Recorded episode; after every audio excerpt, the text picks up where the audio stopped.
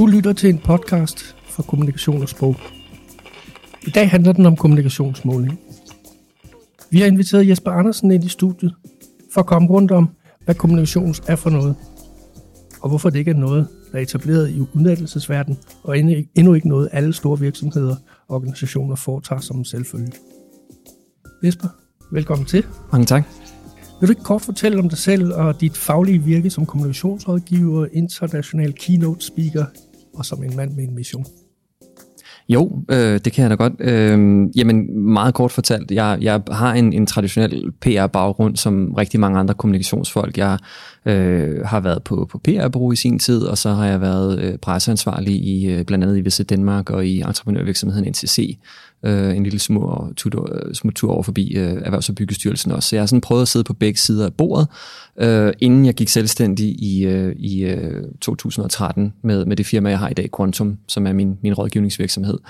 Og, øh, og det her med at slå ind på, på måling som en specialitet, øh, kom egentlig lidt som, som også en personlig aha-oplevelse. Jeg, jeg har i alle de år, jeg har arbejdet med pressearbejde øh, og kommunikation generelt, har jeg lavet måling af mit eget arbejde. Det startede øh, helt tilbage i Danmark med at sidde og, og kigge på analyser og rapporter og sige, hmm, hvad kan vi lære af det her, hvad kan vi gøre bedre fremadrettet.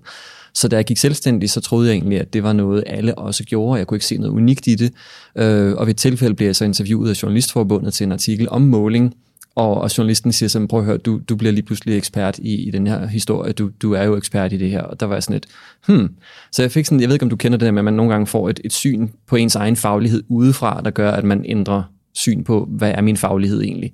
Men det blev ligesom sådan en slags øjenåbner for mig, og øhm, i 2014 blev jeg så medlem af AMEC, den internationale brancheforening for kommunikationsmåling, og det åbnede ligesom mine øjne for, at, at det her var jo kæmpestort også internationalt. Og, og så er det ligesom gået slag i slag derfra, at, at i dag er det måske ja, 90 procent eller sådan et eller andet af, af, af min forretning, der handler om, om kommunikationsmåling, og de sidste 10 procent, altså det man kunne kalde traditionelle kommunikationsopgaver. Ja. Øhm, så. Så man kan ikke ligefrem sige, at du kan med i kommunikationsmåling. Det er kommet hen ad vejen. Det er øh, for en stor del vedkommende selvlært, og så er det selvfølgelig kvæg de sidste øh, 4-5 år, hvor jeg har haft den her store inspirationsflade med, med øh, AMEC øh, og andet, er, det, er det virkelig blevet forstærket med, med masser af input øh, udefra. Ikke? Men, men det startede mere eller mindre selvlært, ja. Øhm, og, og nu sagde du selv øh, så venligt det der med, at jeg er en, en mand med en mission og sådan nogle ting, det kan man sige med et, med et lille smil på læben, men, men, øh, men det er jo blandt andet øh, noget af det, som jeg arbejder øh, hen imod, er, at, at jeg ser kommunikationsbranchen i dag som, som en branche, hvor vi måske i mange tilfælde sidder lidt ude på sidelinjen. Øh, kommunikation bliver reduceret til at være en stabsfunktion, der, øh, hvis de er heldige, får de lov til at sende en pressemeddelelse ud, når først beslutningen i ledelsen er blevet truffet. Øh, og der er mange kommunikationsfolk, som higer efter, jamen kunne vi ikke komme ind og sidde ved, med ved bordet, hvor beslutningerne bliver truffet. Øh, og der mener jeg jo så, at, at det at kunne øh, måle og levere nogle, nogle resultater, der er relevante for ledelsen, at det er vejen til at komme ind til det her beslutningernes spor. Så, så, så jeg prøver ligesom, når du siger en mand med en mission, så, så kan vi sige ja, men det, det der er missionen simpelthen at prøve at åbne flere kommunikationsfolks øjne for, at måling kan være vejen til medindflydelse, altså til en vigtigere rolle i organisationen, man sidder i. Tror du dermed, at en kommunikatør får mere lydhørhed, hvis de kan måle deres arbejde? Ja, det er jeg fuldstændig overbevist om. Ikke kun måle deres arbejde, fordi der, der lyder det meget som om, vi snakker dokumentation, altså at man måler bagudrettet for at sætte kryds ved, øh, hvad har vi nu gjort, og kom vi i mål med det og sådan ting. Men i, i høj grad også, at måling baner vejen for, at man finder et forbedringspotentiale og siger, at det her, det øh, hvad skal man sige, øh, kan vi gøre endnu bedre fremover. Eller at man kan levere nogle, nogle øh, resultater til ledelsen, øh, som, som de kan forstå, altså som er et sprog, hvor de kan forstå det. Hvis du går til en ledelse og siger, at vi har fået 200 presseomtaler de sidste kvartal, så vil de fleste i ledelsen sige, nå og hvad så? Men hvis du kommer til ledelsen og siger, at vi har kørt en kampagne, som har ændret vores målgruppes syn på vores produkter eller vores virksomhed, øh, som gør, at de nu er mere tilbøjelige til at for eksempel købe noget, eller hvad det nu er, vi gerne vil have dem til at gøre, jamen så bliver ledelsen lydhør, fordi det, det taler ledelsens sprog, det er det, de i virkeligheden gerne vil have. Så der er også et, nogle gange et disconnect imellem, hvad det er for nogle typer af resultater, vi som kommunikationsfolk har det med at rapportere opad, øh, at, at det ikke er det sprog, ledelsen taler, og ikke de tal, som ledelsen i virkeligheden gerne vil have. Nu sagde jeg sådan lidt drillende før, øh, du ikke kan med i kommunikationsmåling. Det kan man jo heller ikke være. Øh, der er ikke rigtig, så vidt jeg ved, øh, rigtig nogen humanistiske kommunikationsuddannelser, der uddanner øh, studerende i kommunikationsmåling. Hvad er din oplevelse af det?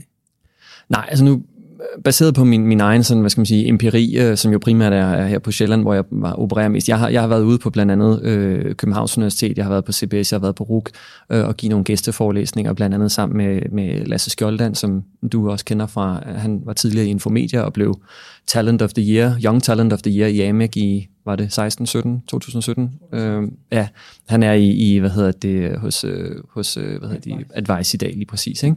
Øh, men men, men øh, Lasse og jeg, vi turnerede rundt øh, og har været rundt et par gange på, på nogle af universiteterne og give nogle gæsteforelæsninger i kommunikationsmåling, hvor vi simpelthen har været i dialog med de forskellige professorer og lektorer omkring, jamen er det her noget, I mangler i jeres pensum, så kunne vi godt komme og bare lige give en gæsteoptræden. Det er der blevet taget enormt godt imod.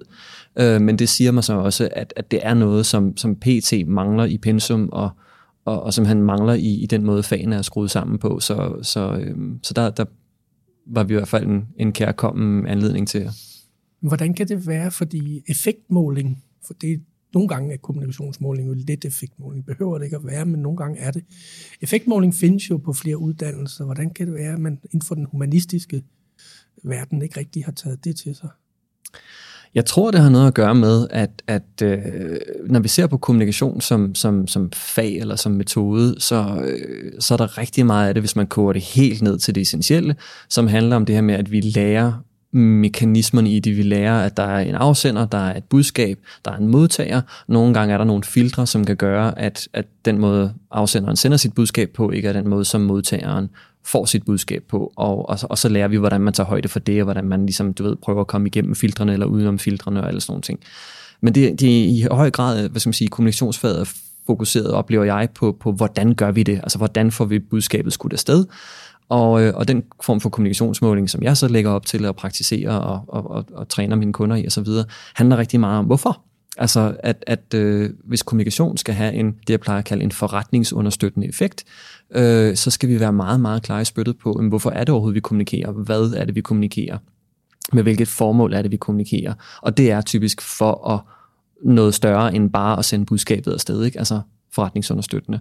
Så, så hele den der hvorfor-dimension oplever jeg i hvert fald ikke er, er sådan en, en standarddel af, af kommunikationsfagene. Har du nogen anelse om, hvordan det er i udlandet? Øh, altså nu er du jo meget med på de her AMIC-konferencer. Giver det sådan en fornemmelse af, om der sker noget mere på uddannelserne, altså kommunikationsuddannelserne i udlandet, eller er det svært at afgøre? Det, det tror jeg er svært at, at sige meget generaliserende. Altså jeg, jeg ved, at der er, øh, hvad hedder det, øh, øh øh, AMEC-medlemmer som for eksempel Stephen Waddington i, i Storbritannien og, og øh, Dr. Alexander Burman på Handelshøjskolen op i Norge, som, som, som laver rigtig meget undervisning øh, i, i den her. Men jeg tror, det, det, det er de enkelte universiteter eller, eller handelshøjskoler, som er heldige nok til at have en kapacitet, kan så udbyde det som et fag. Men, men, men, men fagligheden er også, øh, hvad skal man sige, måske lidt tyndt øh, spredt ud. Øhm, så derfor det er ikke min opfattelse, at det er, at det er noget generelt i udlandet, at, at man har måling på, på, øh, på de højere læreanstalter.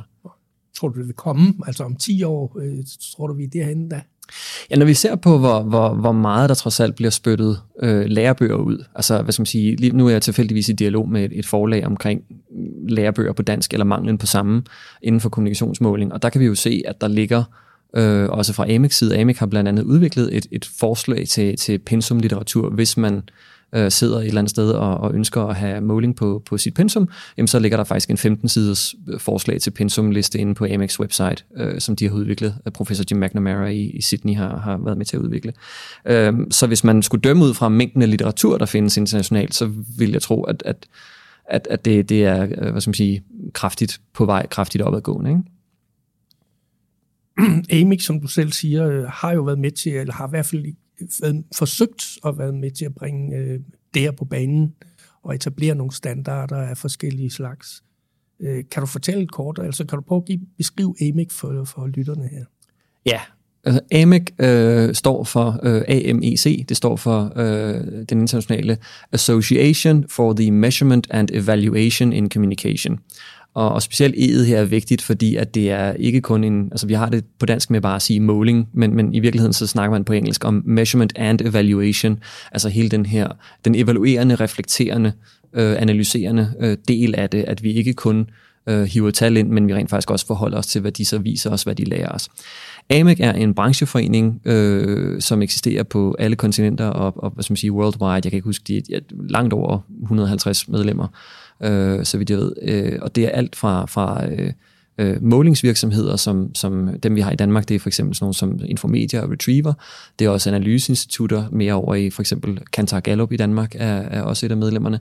Øhm, og så er det forskellige former for konsulenthuse, ligesom mit blandt andet, som, som øh, hvad skal man sige, praktiserer, underviser eller rådgiver i kommunikationsmåling.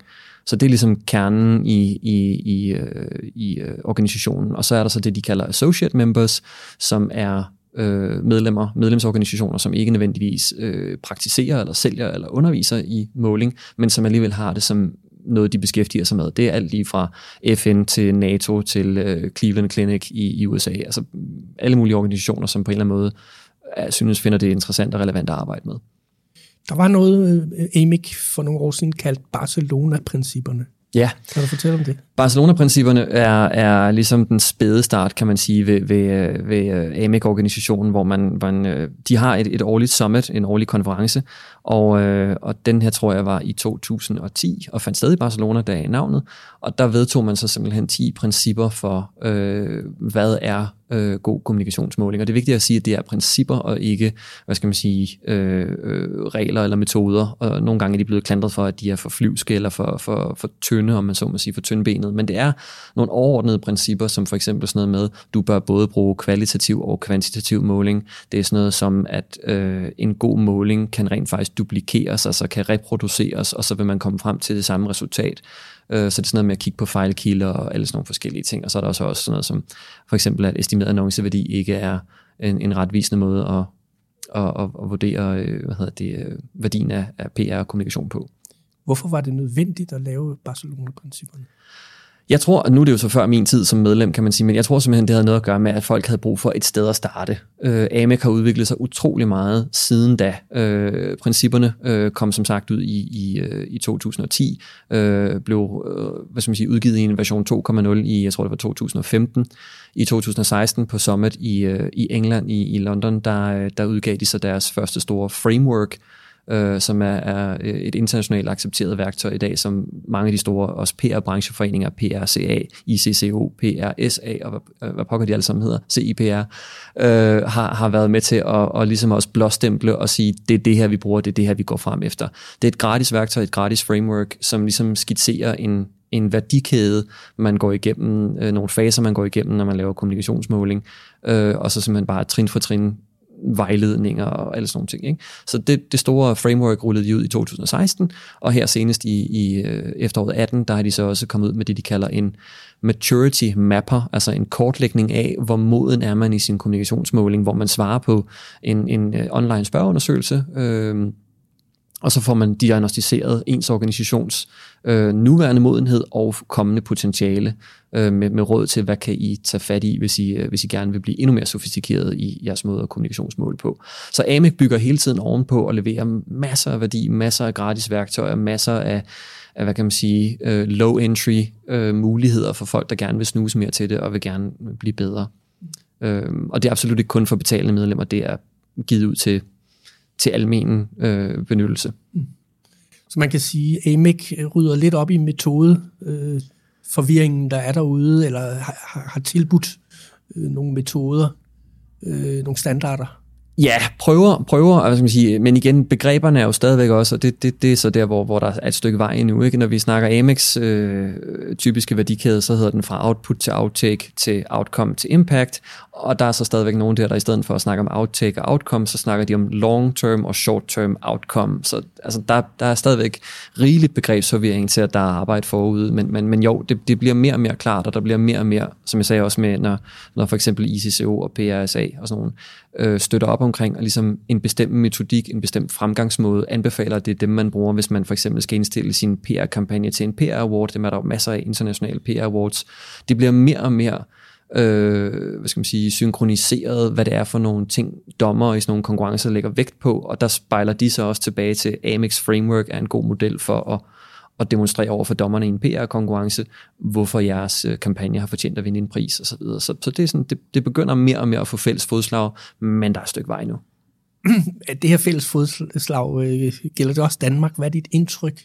Altså, øh, Ja, altså, i, jeg ved så meget som, at, at, øh, at, øh, PR-tieren, da den, da den blev uddelt sidste gang i, øh, i 2017 jo, øh, blandt andet den, den, den sommer havde lavet deres, deres tildelingskriterier en lille smule om, og fokuseret på, at man ikke kun skulle kunne vinde en pris på baggrund af strategi, eksekvering og, og kreativitet, men at der også skulle være et element af effektmåling indover. Så der begyndte PR-tieren så at lægge sig også i, i, i tråd med, hvad, hvad andre øh, internationale PR-priser øh, gør. Øh, nu er de så blevet lagt sammen, øh, brancheforeningen med kommunik- øh, kommunikation og kreativitet, kreativitet og kommunikation. Øh, og, øh, og, derfor har jeg ikke helt øh, fingeren på pulsen med, hvor, hvor PR-tieren står i dag, om den kommer tilbage her i 19 eller hvad. Det håber jeg, at den gør. Ja. Er det dit indtryk også, at de analysevirksomheder, som arbejder inden for det her område, også prøver at fremme Amix øh, måder at arbejde på, altså metodikker og så videre? Ja, det er mit indtryk. Øh, det er det da helt klart.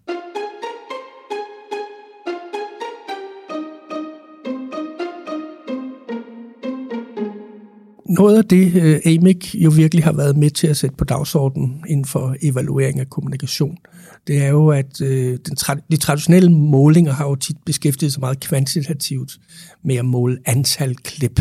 Hvor meget omtale har vi fået og så videre. Så senere så, så begyndte man at interessere sig meget for det, man kaldte outcome. Altså, hvad, hvad, hvad gav det i virkeligheden? Øh, I stedet for bare at måle antal klip, så begyndte man at se på, om ens budskaber kom ud og så videre. Og så øh, senere hen er man begyndt også at tale om impact. Kan du prøve at riste den øh, situation op, hvad, hvad der er sket der fra output til impact? Ja, det, det er jo hvad skal man sige, en, en, øh, en, en diskussion, som man nogle gange nemmest at have, hvis man har et eller andet visuelt foran sig, men, men jeg skal prøve... Øh, kort fortalt, så, så øh, jeg, jeg plejer at have sådan et, et, øh, et, et, et slide med i, øh, i mine præsentationer, som, som viser en, en, en fisk, der ligger på en græsplæne, og så bliver længden af fisken, den bliver målt med, med øldåser, der bliver lagt ud ved siden af. og det, det bliver populært kaldt for et, et redneck measuring tape. Men jeg bruger det som sådan en metafor på, hvordan meget kommunikationsmåling har foregået, øh, og til dels stadigvæk foregår. Øh, det her med, at vi har vendet os til at tælle vores kommunikation frem for bare at kigge på, eller ikke bare, men at kigge på øh, effekt eller værdi. Og det er sådan lidt en historisk udvikling, der har været, fordi at, at det er vanskeligt at forholde sig til at definere værdi, definere effekt, og, og det her med bare at tælle kommunikationen i nogle enheder, har været sådan, det, det easy peasy for alle, ikke? Øhm, det har så efterladt os i, i, i, i, i en øh, situation, hvor at, at mange har vendet sig til, eller ligesom sætter lighedstegn imellem, at kommunikationsmåling bare er at tælle de ting, der nu kan tælles.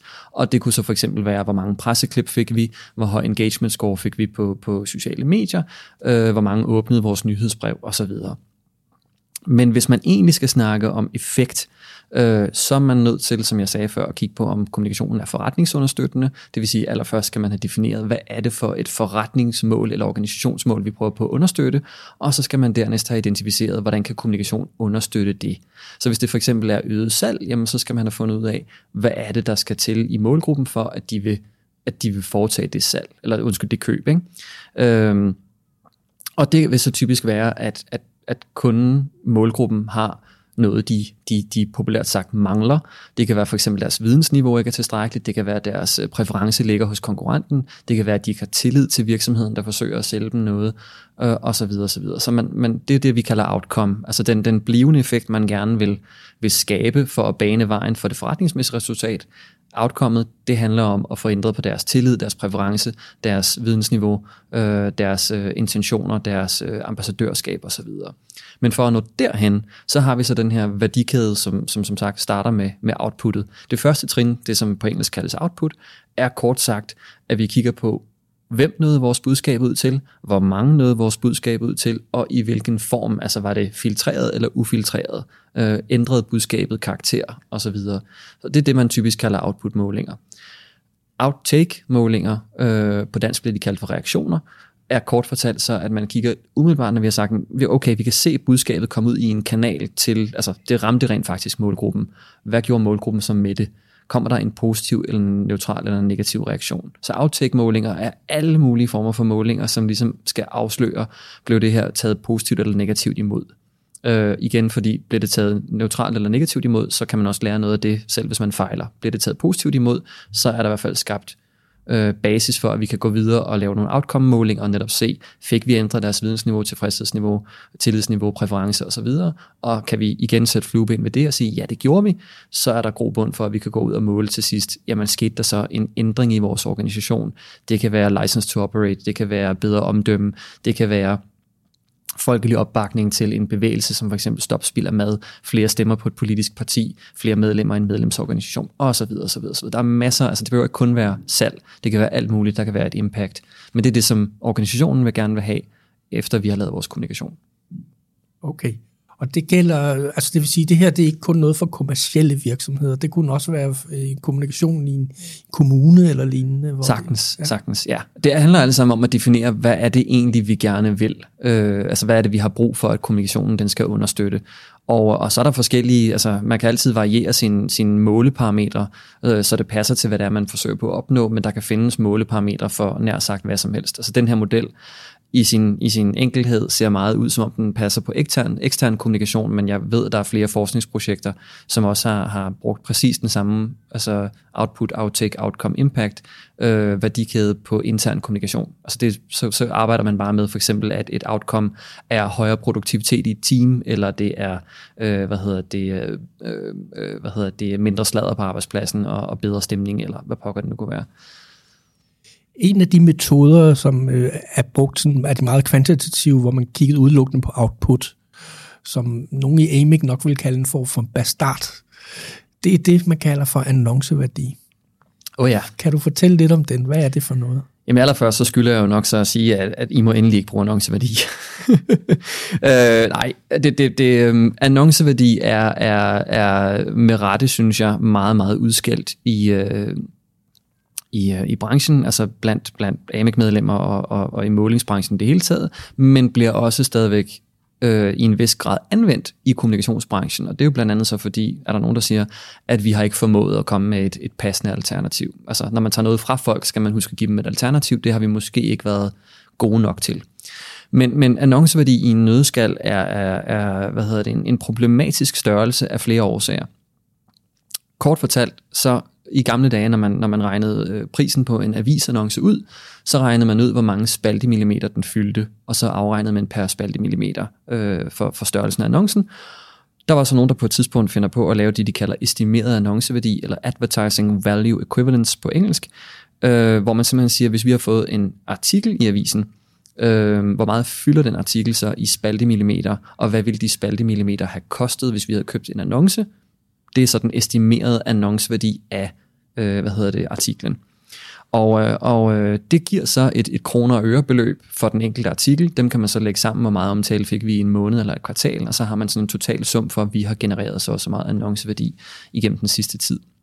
Udfordringen eller problemet med, med annonceværdien er, at den for det første ikke tager højde for, om omtalen var positiv eller negativ. Det vil sige, at du får lige så mange kroner for, for en, en negativ artikel, hvilket jo er fuldstændig misvisende. Den tager heller ikke højde for, om du dominerer hele omtalen og står i overskriften og har store fine billeder, eller om du bare er nævnt i en, i en bisætning i den aller sidste paragraf. Altså mængden, du fylder i artiklen, spiller ikke ind. Det er alene bare, hvor meget fylder den, og er du nævnt i den. Øhm, og så er der sådan, altså, om du er på forsiden eller på side 17, gør heller ikke nogen forskel, og der er en masse problematikker omkring, hvad gør man med en artikel på Danmarks Radios hjemmeside, når de ikke har annoncepriser, og så skal man til at sjusse sig frem til, hvad det måske ville have kostet alligevel, og alle sådan ting.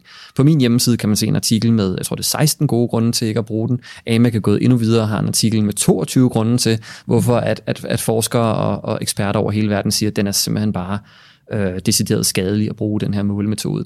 Ikke desto mindre, så bliver den stadigvæk brugt nogle steder. Jeg ser det specielt i, i virksomheder og organisationer, der har amerikansk ejerskab, hvor man simpelthen bliver, bliver tvunget af, af sit moderselskab, fordi det er den måde, de afregner på, øh, succes og bonus og alt muligt andet, at, at så skal danske kommunikationsfolk ligge under for, at, at de er nødt til at opad og rapportere i, i for eksempel annonceværdi. Så den, den er, det er ned, brugen af den er nedadgående, men desværre ikke udryddet endnu.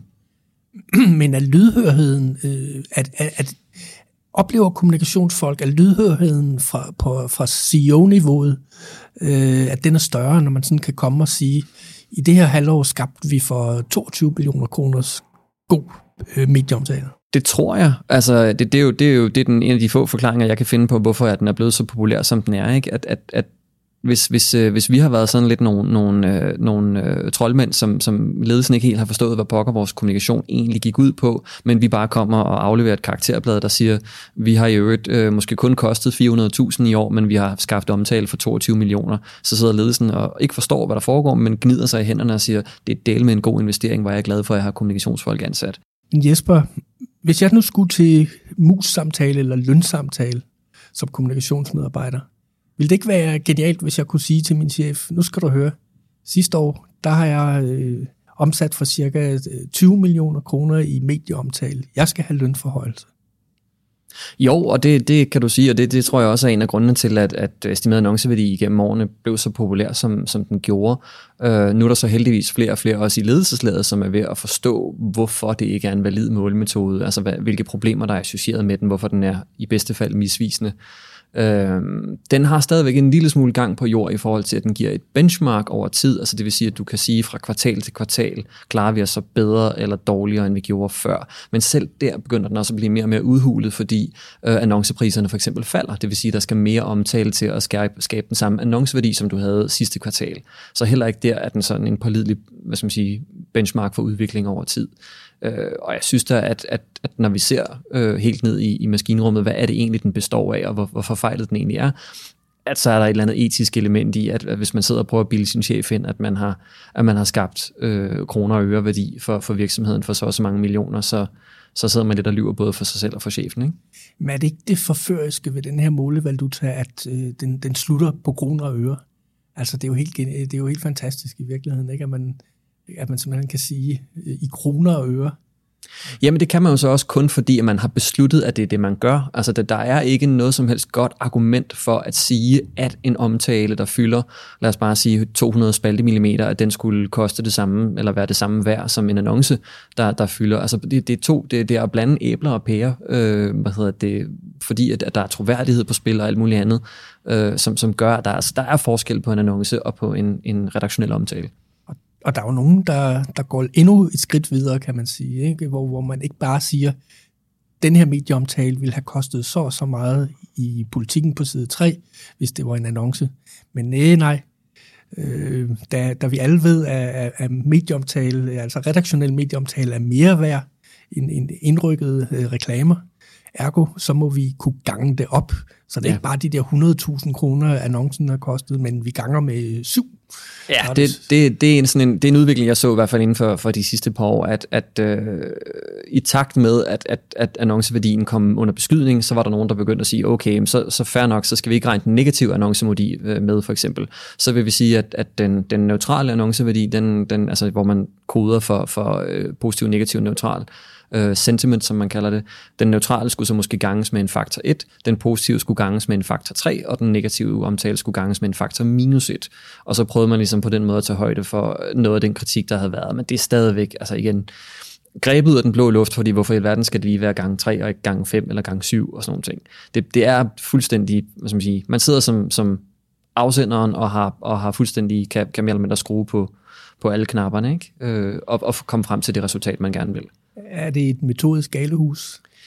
Det synes jeg jo, det er. Øh, igen, der, der er folk, der, der stadig holder fast i den, og der er folk, der stadig forsvarer den. Igen, blandt andet på det der med, at, at jamen, vi kan benchmarke over tid, eller, eller øh, at, at der er hvad hedder det, nogen højere op i ledelsen, der vil have den. Jeg, jeg kender også nogle enkelte danske virksomheder, hvor det er bestyrelsen, der simpelthen afkræver, at kommunikationsdirektøren kommer på, på årsmødet og, og afregner øh, i den form for, for tal. Ikke?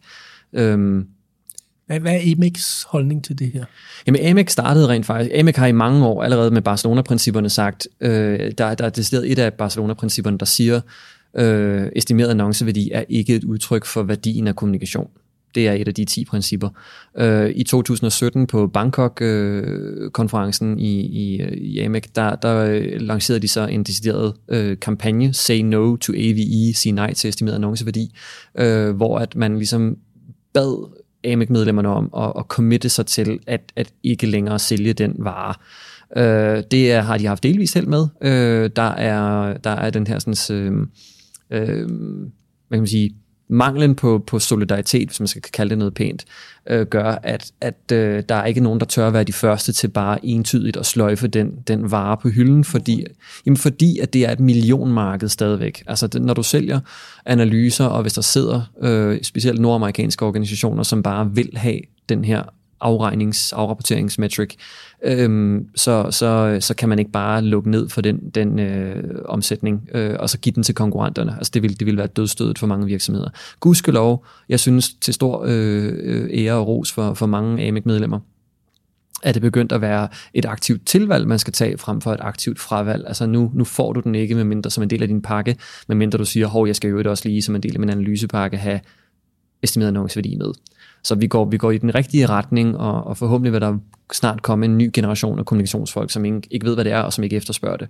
Og så bliver det gradvist udfaset. Ikke? Det er allerede, kan vi se, år for år kraftigt nedadgående, men der er måske stadigvæk, jeg tror, det er de sidste tal er 17 procent eller sådan et eller andet på verdensplan, der stadigvæk bruger det. Om 10 år, tror du, øh, annonceværdien er der?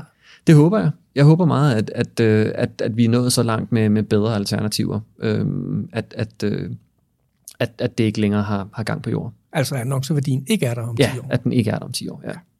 AMIC har, er AMIC egentlig kommet op med et, et, et konkret alternativ? Du var selv inde på det før, altså mm. det her med, at, at måske er det her også udtryk, for, altså den succes, annonceværdien har haft, er måske også udtryk for mangel på alternativer. Ja, og, og øh, AMIC jo, har jo valgt at, at gå ikke den nemme vej, men den, den, den rigtige vej, var lige det lyder sådan meget selvhøjtidligt, men, men, men jeg møder igen og igen og igen organisationer, som netop siger, okay, fair nok, hvis vi ikke må bruge estimeret annonceværdi, så giver os et måltal, vi kan forholde os til. Et måltal, der går op eller ned hver uge, hver måned, hver kvartal, og så ved vi, om, om vi har succes med vores kommunikation eller ej. Og så simpelt er verden desværre bare ikke. Øh, fordi så er, vi, så er vi derude, hvor du skal til at lægge fortolkninger ind over. Øh, over hvad, der, nogle, nogle målingsbyråer har for eksempel udviklet det, man så kalder en PR-score, som er en, en, et sammensurium af, om, om hvor stor omtalen var, hvor mange mennesker den nåede ud til, og om den var positiv eller negativ. Øh, og en PR-score kan så udtrykkes fra, fra enten fra minus 100 til plus 100, eller fra minus 10 til plus 10, og så kan man ligesom rate hver enkelt omtale, og så kan man også lave et gennemsnit af al omtalen i en måned. Og det er der nogle organisationer, der siger, at det er fint, så ved vi om vores, om vores omtale generelt ligger på en, en PR, gennemsnitlig PR-score på 25 eller højere på en skala op til 100. Problemet med det er, at, at vi er igen ude i sådan en, en meget subjektiv kvalitetsvurdering af, om det er god omtale, at den lever op til nogle bestemte kriterier, men vi er slet ikke ude og kigge på det, jeg snakkede om før, målgruppen, målgruppen, der ændrer holdninger og handlinger, som baner vejen for et, et ønsket forretningsresultat. Altså at kigge på en PR-score, som går op eller ned, er stadigvæk bare, bare i anførselstegn at kigge på, om omtalen levede op til nogle bestemte kriterier. Så vi er øh, tilbage ved outputs næsten. Vi er tilbage ved, ved, ved outcome og, og impact, som er, er det, som AMEC ligesom siger, det er det her, du bør gøre i stedet. Og det er mere kompliceret end bare at have et enkelt måltal, der går op og ned. Men det er også langt mere værdiskabende.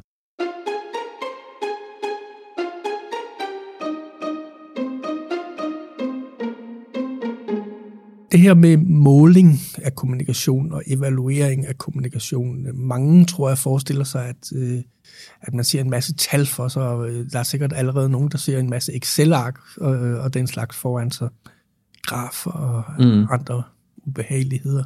Ja. Øh, er det dit indtryk, at, at øh, der blandt kommunikationsfolk, som jo tit har, eller ret ofte har en, en humanistisk uddannelsesmæssig baggrund, at der kan være en angst for, for, for at arbejde med tal. Man har jo sådan en, forbind, øh, en opfattelse af kommunikationsfolk, det er noget med ord. Ja, jeg kan godt følge, hvor du, hvor du vil hen, og det er der måske noget om. Øh, jeg har selv hvad skal man sige, været velsignet med, at jeg både har en, en matematisk studentereksamen, jeg, jeg var meget matematisk anlagt i, i gymnasiet, før jeg så gik over og tog en, en magisteruddannelse på, på humaniora.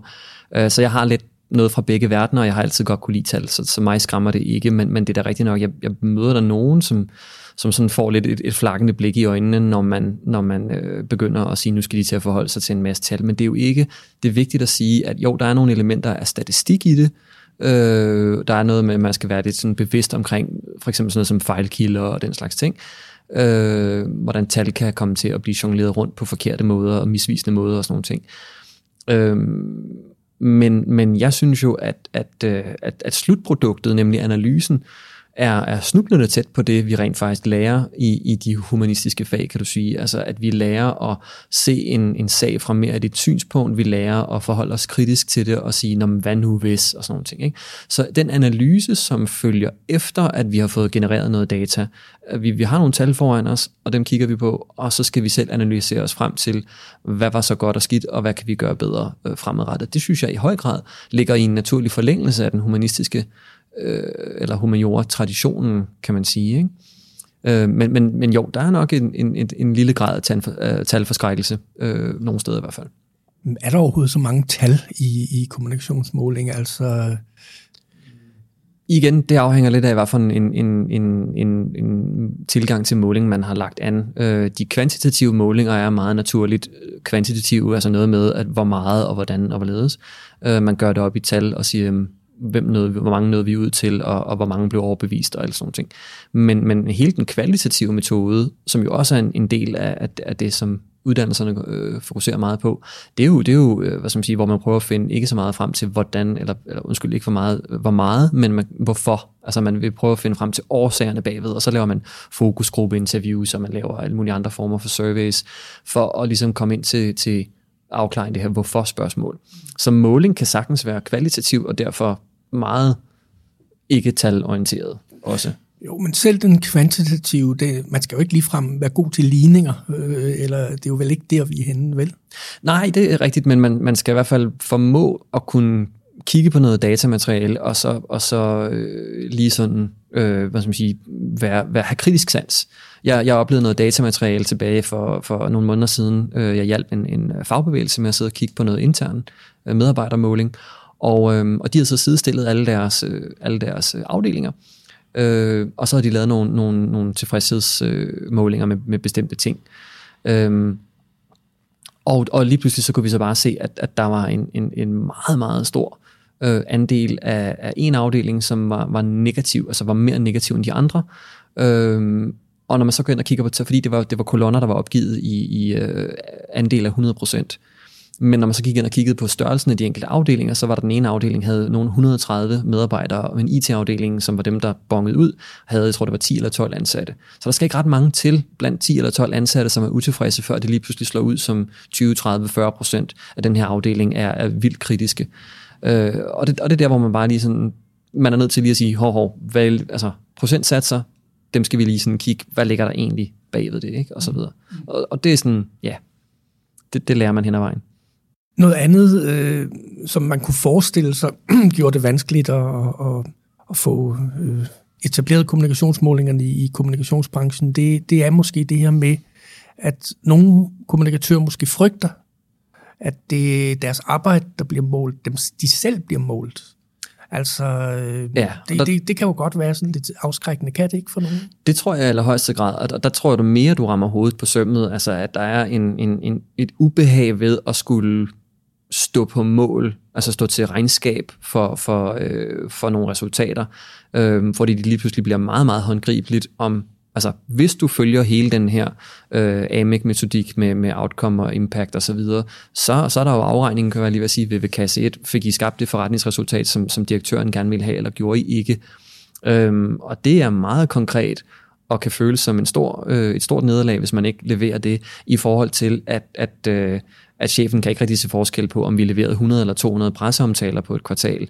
Øh, der kan man ligesom bare sige, at det var begge dele var en succes. Altså, øh, så så, så det, det bliver lige pludselig, det risikerer at blive meget synligt, øh, om man har leveret varen eller ej. Men det, jeg jo synes, der er det interessante, øh, eller der, hvor vi alle sammen skal prøve at arbejde os hen imod, det er jo netop det her med, at vi ser øh, øh, måling som en vej til læring, som en vej til forbedring. Jeg plejer at have et slide med i, i mange af mine præsentationer og workshops med et citat af Thomas Edison, der siger, øh, jeg har ikke fejlet, jeg har bare fundet 10.000 måder ikke at lave en, en øh, LP'er på, inden jeg så opfandt LP'eren. Ikke?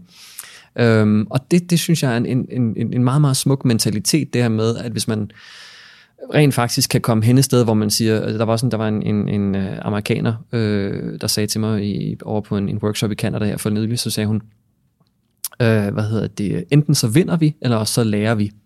Altså vi kan ikke fejle. vi vinder, eller vi lærer. Ikke?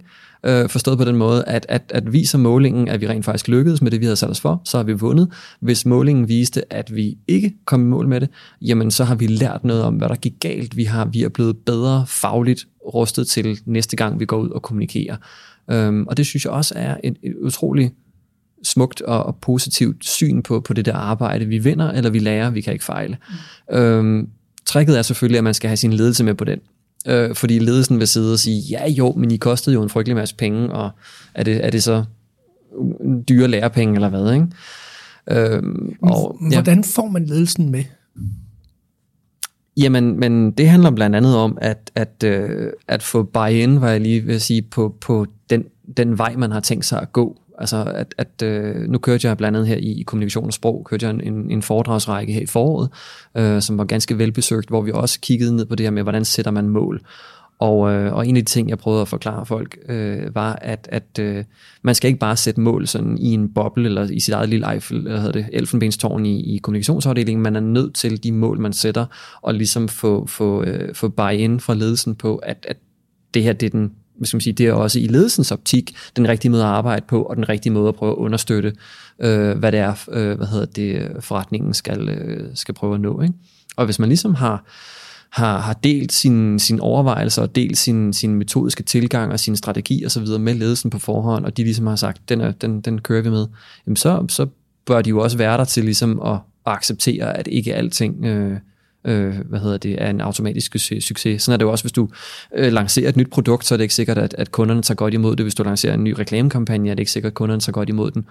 Så et vist element af plads til at fejle bør der jo være i, i alle henseender i en organisation, og det bør også gælde kommunikation. Ellers så har man virkelig et problem, hvis der er en, en nulfejlskultur. Mm. Så den her læring omkring kommunikationsmåling, det er ikke kun kommunikatører, der skal lære at gøre det ordentligt, og, og hvad det kan bruges til, men det er måske også ledelserne, skal have, øh, have åbnet øjnene. Om man så ja, altså jeg tror, jeg tror mange ledelser vil have, have godt af, at, at, øh, at, at de måske fik en, en smagsprøve på, hvad kommunikation rent faktisk kan gøre for dem, øh, uden at vi nødvendigvis skal, skal hvad hedder det, øh, konkludere noget entydigt på det.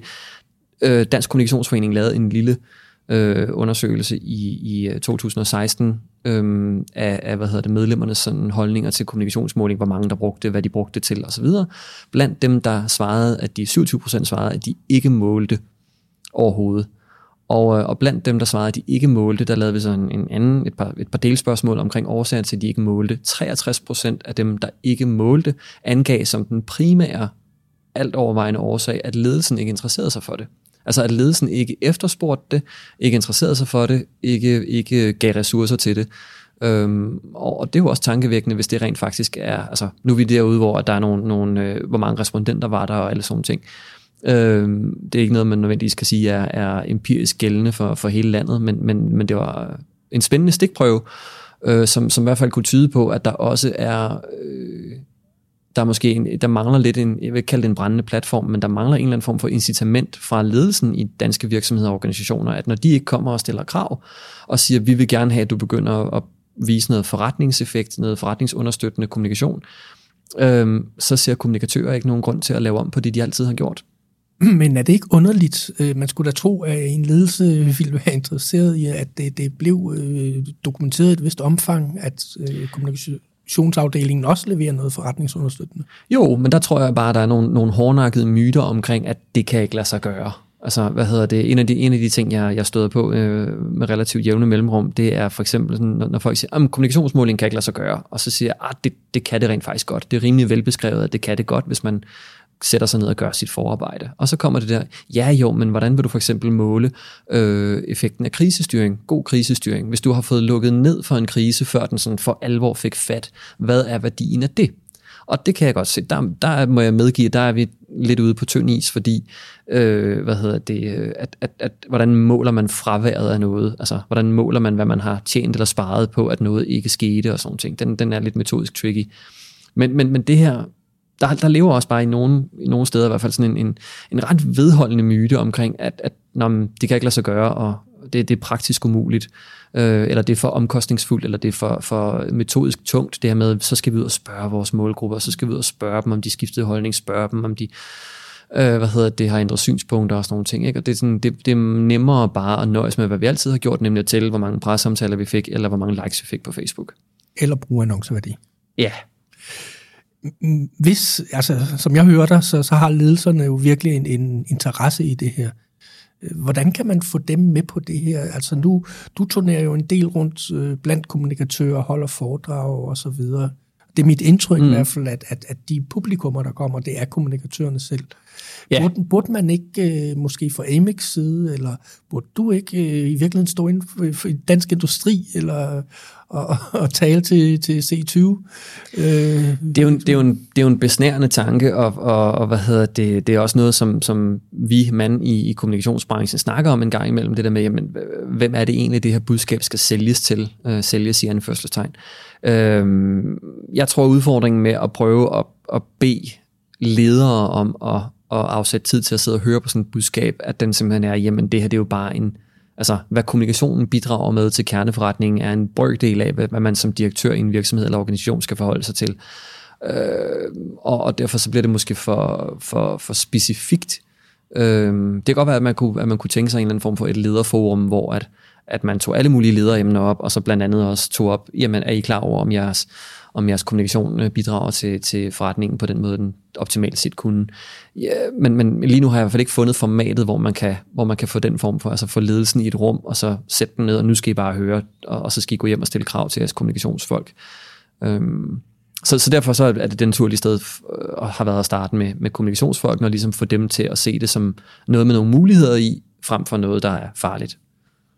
Man skulle da ellers tro, at, at samfundsudviklingen øh, går i den retning. Altså flere og flere øh, ledelser bliver jo klar over, at omdømme er vigtigt. Der mm. er jo mhm. næsten ikke den virksomhed, som ikke har fokus på det i dag. Og der er også flere og flere, der netop øh, i ledelserne kan lave den her lille simple ligning og sige, omdømme og vores kommunikation, det har nok lidt med hinanden at gøre. Så man skulle da tro, at sådan på sigt, at mm. der bliver mere fokus øh, fra the C-suite eller fra direktionsgrupperne. Ja. Øh, eller hvad, hvad, hvad er dit Jamen jeg tror, at, at, at, og du har ret i det der med, at vi har, vi har den der fornemmelse af, at omdømme har en betydning. Øh, og der er nogle enkelte, hvad man kan Harvard-studier og alt muligt andet, som også kan sådan decideret dokumentere, at ja, omdømme er vigtigt for, hvordan man for eksempel rebounder efter en krise eller alt muligt andet.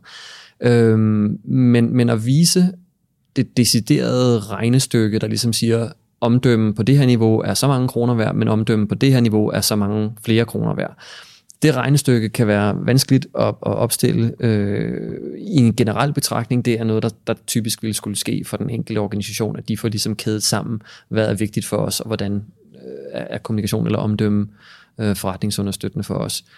Øh, og, og øh, ej, undskyld, nu tabte jeg tråden i forhold til, hvor jamen, dit spørgsmål, spørgsmål startede. Jamen, jeg, jeg tænker altså, jeg, mit indtryk er, at samfundsudviklingen går i den retning, at, at selv den mest stive direktør oh, jo, efterhånden ja, yes, ikke ja. kan, kan, kan frasige sig at interessere sig for omdømme, og dermed også kommunikation, ja. og dermed måske også kommunikationsdokumentation, ja, måling, evaluering. Ja, ja det jeg ville frem til at sige, det var, at, at, at fordi vi jo netop har den der, øh, hvad hedder det, øh, vi har den intuitive, eller sådan en, en, en, en en anekdotisk fornemmelse af, at for eksempel godt omdømme øh, er, er penge værd for virksomheden, men det er rigtig, rigtig svært at vise præcis en til en korrelationen imellem dem. Og derfor så er der så kommunikationsfolk, som, som er mangel på bedre, øh, siger, jamen så, så starter vi med i det hele taget bare at lave positiv presseomtale, positiv medieomtale af virksomheden, fordi vi kan ikke vise helt hen til, til målstregen, øh, korrelationen imellem, hvordan det arbejde så relaterer sig til godt omdømme, som så relaterer sig til bundlinjen,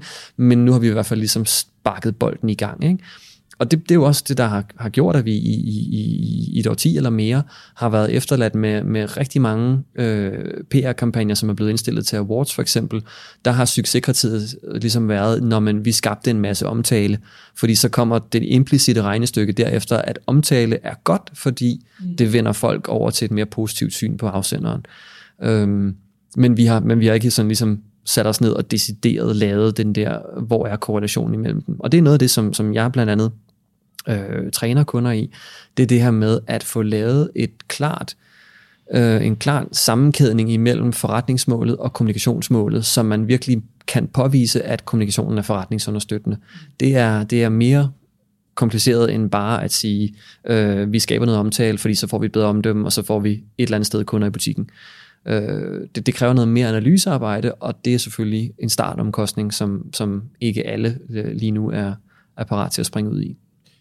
Inden for reklame- og marketingsbranchen har der jo i flere år været en tendens til det, man kalder no cure, no pay. Mm. Altså hvis man som et marketingsbureau ikke kan dokumentere, at man har gjort øh, en forskel, i, hvis man bliver hyret til at lave en kampagne, så er der heller ikke nogen øh, penge at hente.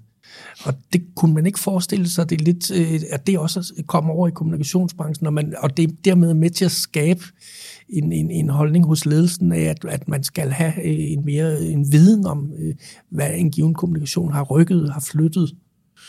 Altså det er i hvert fald, i, når, nu, jeg, jeg skal ikke gøre mig klog på, hvor de, de danske PR-byråer står pt. Øh, i den diskussion, men, men når man kigger på de store internationale brancheorganisationer, ICCO, CIPR, PRSA, øh, PRSA osv., øh, når man ser på, hvad, hvad de ligesom øh, lægger op til, at være nogle af de, de, øh, de største, de, de globale kæder, øh, hvad hedder det, de opererer med, jamen så, så er der helt klart øh, tegn på, at, at det for dem er et, et forretningsvindende parameter. Altså at de, de har sat sig for, at de vil gå ud og stå på mål for, at de rent faktisk havde en, en, en påviselig effekt, en påviselig impact øh, af det arbejde, de laver for kunderne. Ikke? Øhm, så så for, for dem, der er forrest i feltet lige nu internationalt, der ser jeg da i hvert fald, at det er en, en måde at adskille sig fra alle konkurrenterne på, at man simpelthen er first mover på det her. Og det er jo også noget det, jeg personligt håber, at, at, at danske byråer vil, vil tage til sig med tiden, øh, og, og se det som, som, øh, som, øh, som en mulig sådan, måde at komme lige den, den, den øh, muliglængde foran de andre. Ikke?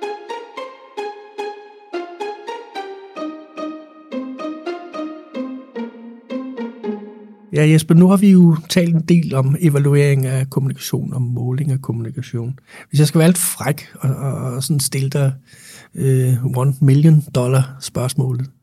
Hvad skal vi med det? Hvad kan det der evaluering? Jamen, der er flere gode argumenter for, hvorfor vi bør arbejde med kommunikationsmåling. Øh, det helt simple, det er jo blandt andet, at vi øh, så formår at dokumentere resultaterne af vores arbejde. Og i takt med, at, at det bliver sådan en generel trend i erhvervslivet, at alle skal dokumentere.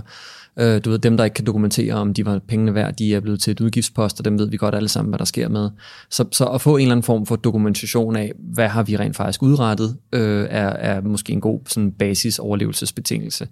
Øh, så bliver man også øh, bedre til at vide, hvor man måske øh, kan, kan foretage det mindst ømme snit, hvis man skal skære ned.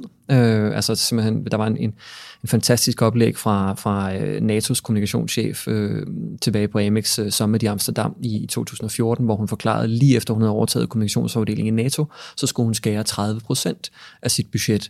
Og hendes forgænger havde ikke lavet nogen måling øh, af, hvad, hvad der egentlig kom ud af alt det arbejde, de lavede. Det vil sige, hun havde ingen idé om, hvor hun skulle skære henne, hvilke hoveder hun skulle skære, hvilke aktiviteter hun skulle skære, fordi der var ikke hvad skal man sige, styr på, på noget som helst. Så det blev ligesom hendes vej, den hårde måde ind i måling øh, hvad hedder det, Government Communication Service i England, øh, da Alex Aiken han overtog, øh, havde et, et budget på, på, hvad hedder det, en milliard pund.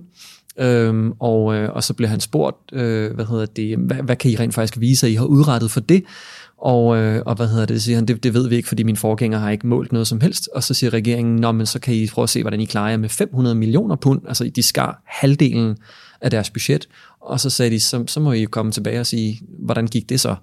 Øh, så det, de lærte også på den hårde måde, at, at, øh, at man, synes, man, man risikerer at blive skåret ned, hvis man ikke øh, øh, kan, kan give en eller anden form for, for øh, begrundelse for en, en hvorfor man er der. Ikke? Kan man ikke vente om også at sige, man kan, hvis man kan dokumentere, at man gør en forskel, at man der kan få tilført flere jo, jo, jo, jo, ressourcer lige præcis, til lige præcis, lige præcis. Og det bringer mig så nemlig til det tredje punkt, at det her vi snakkede om tidligere med, med øh, at, at have en stemme ved, ved bordet, hvor de store beslutninger bliver truffet. Rigtig mange kommunikationsfolk, jeg møder, sidder og sukker efter den der, åh, oh, vi vil gerne ind og du ved, blive taget som en ligeværdig partner sammen med produktion og, og alle de andre tunge drenge.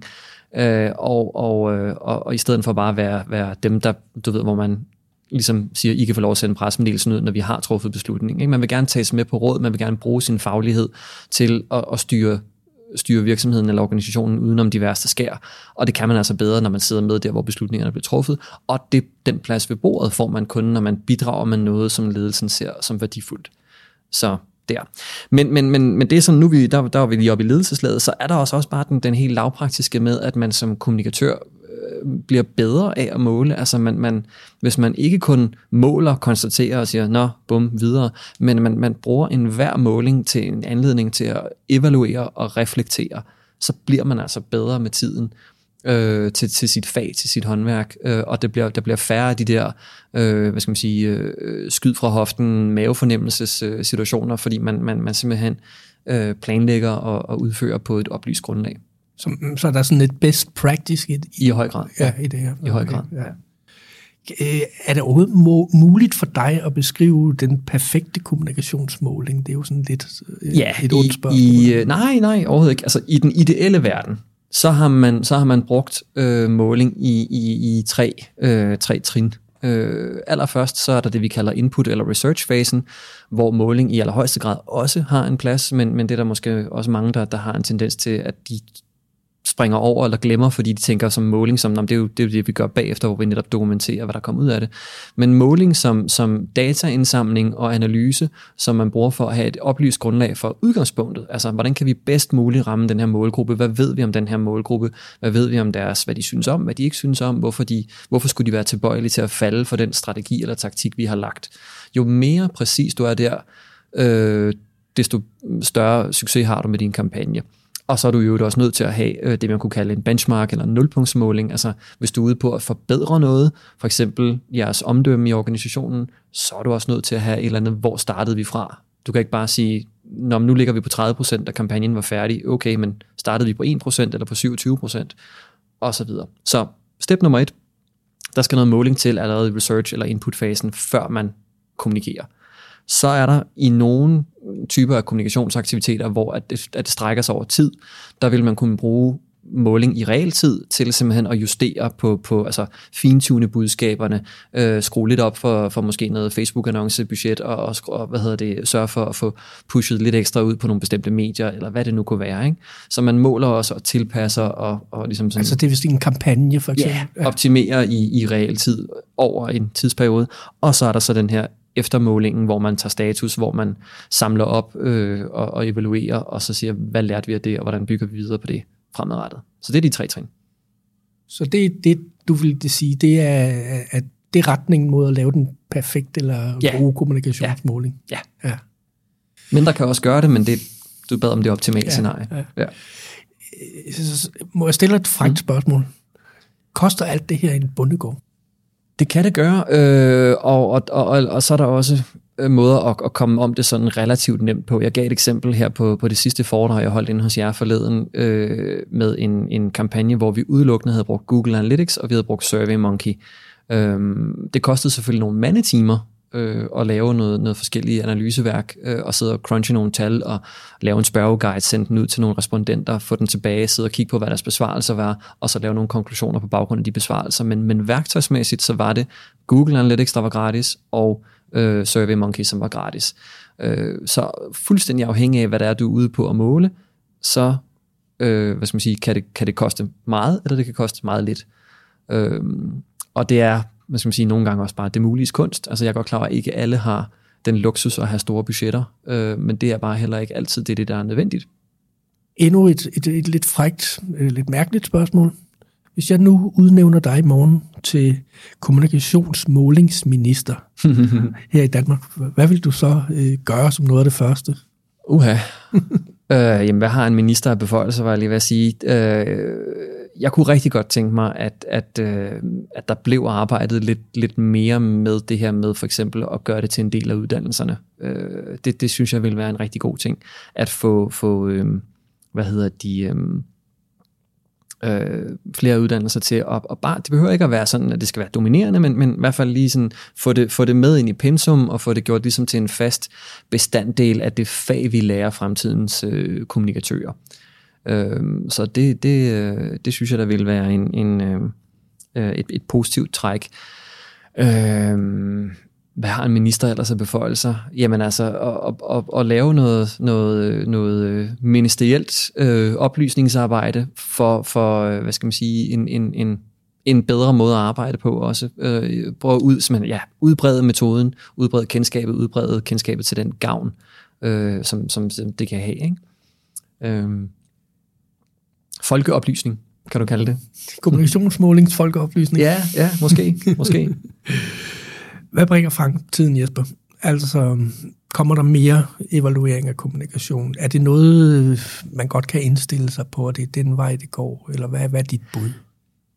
Det er et, et, øh, et spørgsmål, som, som jeg ville ønske, jeg havde et, et, øh, et mere sikkert svar på, fordi der, det trækker lidt i, i to retninger. Øh, da jeg blev medlem af AMEC i, i, øh, i 2014, efter jeg havde været på Summit i Amsterdam, og ligesom havde set, at hold op, det her det er jo internationalt kæmpe, kæmpe stort. Og allerede dengang, der var der alle mulige former for du ved, forskning, og det, det var super avanceret, øh, de, de eksempler, jeg så fra udlandet der. Og så tænkte jeg, hmm, jamen, øh, hvis det her, det er ligesom, du ved, hvis vi altid er, er to-tre år bagud her i Danmark, så, så kommer det her til at ramme os om ganske få år, og det vil jeg gerne være en del af.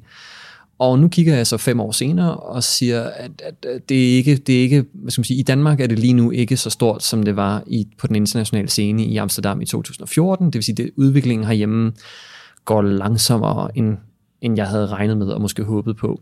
Øhm, det, er den, det er den negative udlægning af det, ikke? At, at, at der sker fremskridt, men det går holdt op og går langsomt.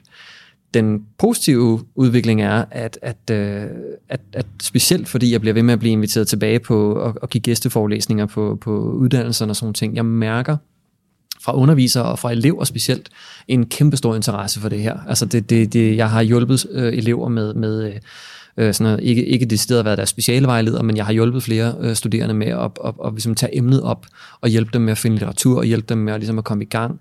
Øh, hvad hedder det? Så, så jeg oplever en, virkelig en interesse også for, at, at de vil gerne bruge det i deres projekter og, og ligesom gøre det til en del af deres samlede opgave, når de, når de afleverer store opgaver ned på RUK for eksempel. Øhm, så, så jeg synes, at, at hvis man kigger på, sådan, hvad, hvad, hvad, hvad siger den kommende generation, så, så synes jeg absolut, at det trækker i den rigtige retning. Øhm, så er der det her med, med, med, med kan, vi, kan vi så få, få, øh, få øh, hvad skal man sige, den, den nuværende øh, hvad hedder det, generation af, af praktikere og udførende kommunikationsfolk, kan vi få dem med på vognen også? Det håber jeg, at vi kan, og det tror jeg helt sikkert også, at vi kan.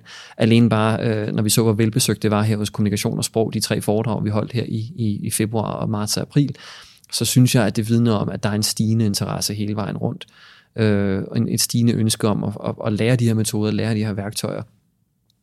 Øhm, og så tror jeg egentlig også, at, at vi kommer til at blive hjulpet af, at, at, at sådan nogen som AMIC for eksempel, øhm, baner vejen med, med, med nemmere og nemmere værktøjer. Altså nu nævnte vi både øh, det her framework, der er gratis tilgængeligt, og hvor der ligger øh, fulde brugervejledninger, var jeg lige ved at sige, øh, inde på AMICs hjemmeside, amicorg.com, øh, for dem, der har lyst til at kigge på den. Øh, der ligger frameworket, men AMIC havde som sagt også lavet det her selvdiagnostiseringsværktøj, den her Measurement Maturity Guide, Measurement Maturity Mapper, undskyld, øhm, som udkom i november 2018, og hvor man kan gå ind, tage en, en survey på måske 15 minutter, og så får man et, et fuldstændigt øh, breakdown af, hvor de ser ens organisation har styrker og svagheder, og trin til, hvad kan du så gøre herfra? Hvad er de lavt hængende frugter, du kan begynde at plukke og komme videre med? Øhm, og, og jeg har ikke nogen tro, eller hvad hedder det, jeg har ikke nogen grund til at tro, at AME stopper her, var jeg lige ved at sige. Altså det, der, der er fuld fart på, og, og flere og flere organisationer partner op med AMEC og, og går med på at udvikle flere og flere ting. Øh, AMEC holder også, hvad hedder det, øh, webinarer og uddannelsesinitiativer og alt muligt andet i løbet af året. Øh, som bliver mere og mere velbesøgt. Og, og igen, vi ser, hvor det måske var for, for fem år siden, at AMIC primært bestod netop af målingsvirksomhederne. Så nu, hvor at, at vi bliver vi bliver, vi bliver ligesom også, hvad skal man sige, øh, medlemmerne kommer også nu fra, fra kommunikationsbyråer og fra, fra brancheorganisationer og alle mulige andre, ikke? så at det, det spreder sig som ring i vandet. Øhm, det kan godt være, at tempoet ikke altid er, hvad man håbede på, men, men, men, men jeg synes absolut kun, det går i den opadgående retning. Så du er stadigvæk en mand med en mission, og du virker ikke som om, du er helt nedbrudt. Nej, absolut ikke. Absolut ikke. Det er godt. Jesper Andersen, tusind tak. Det har været rigtig spændende at høre om kommunikationsmåling og at få en status. Tak for at I inviterede mig. Tak skal I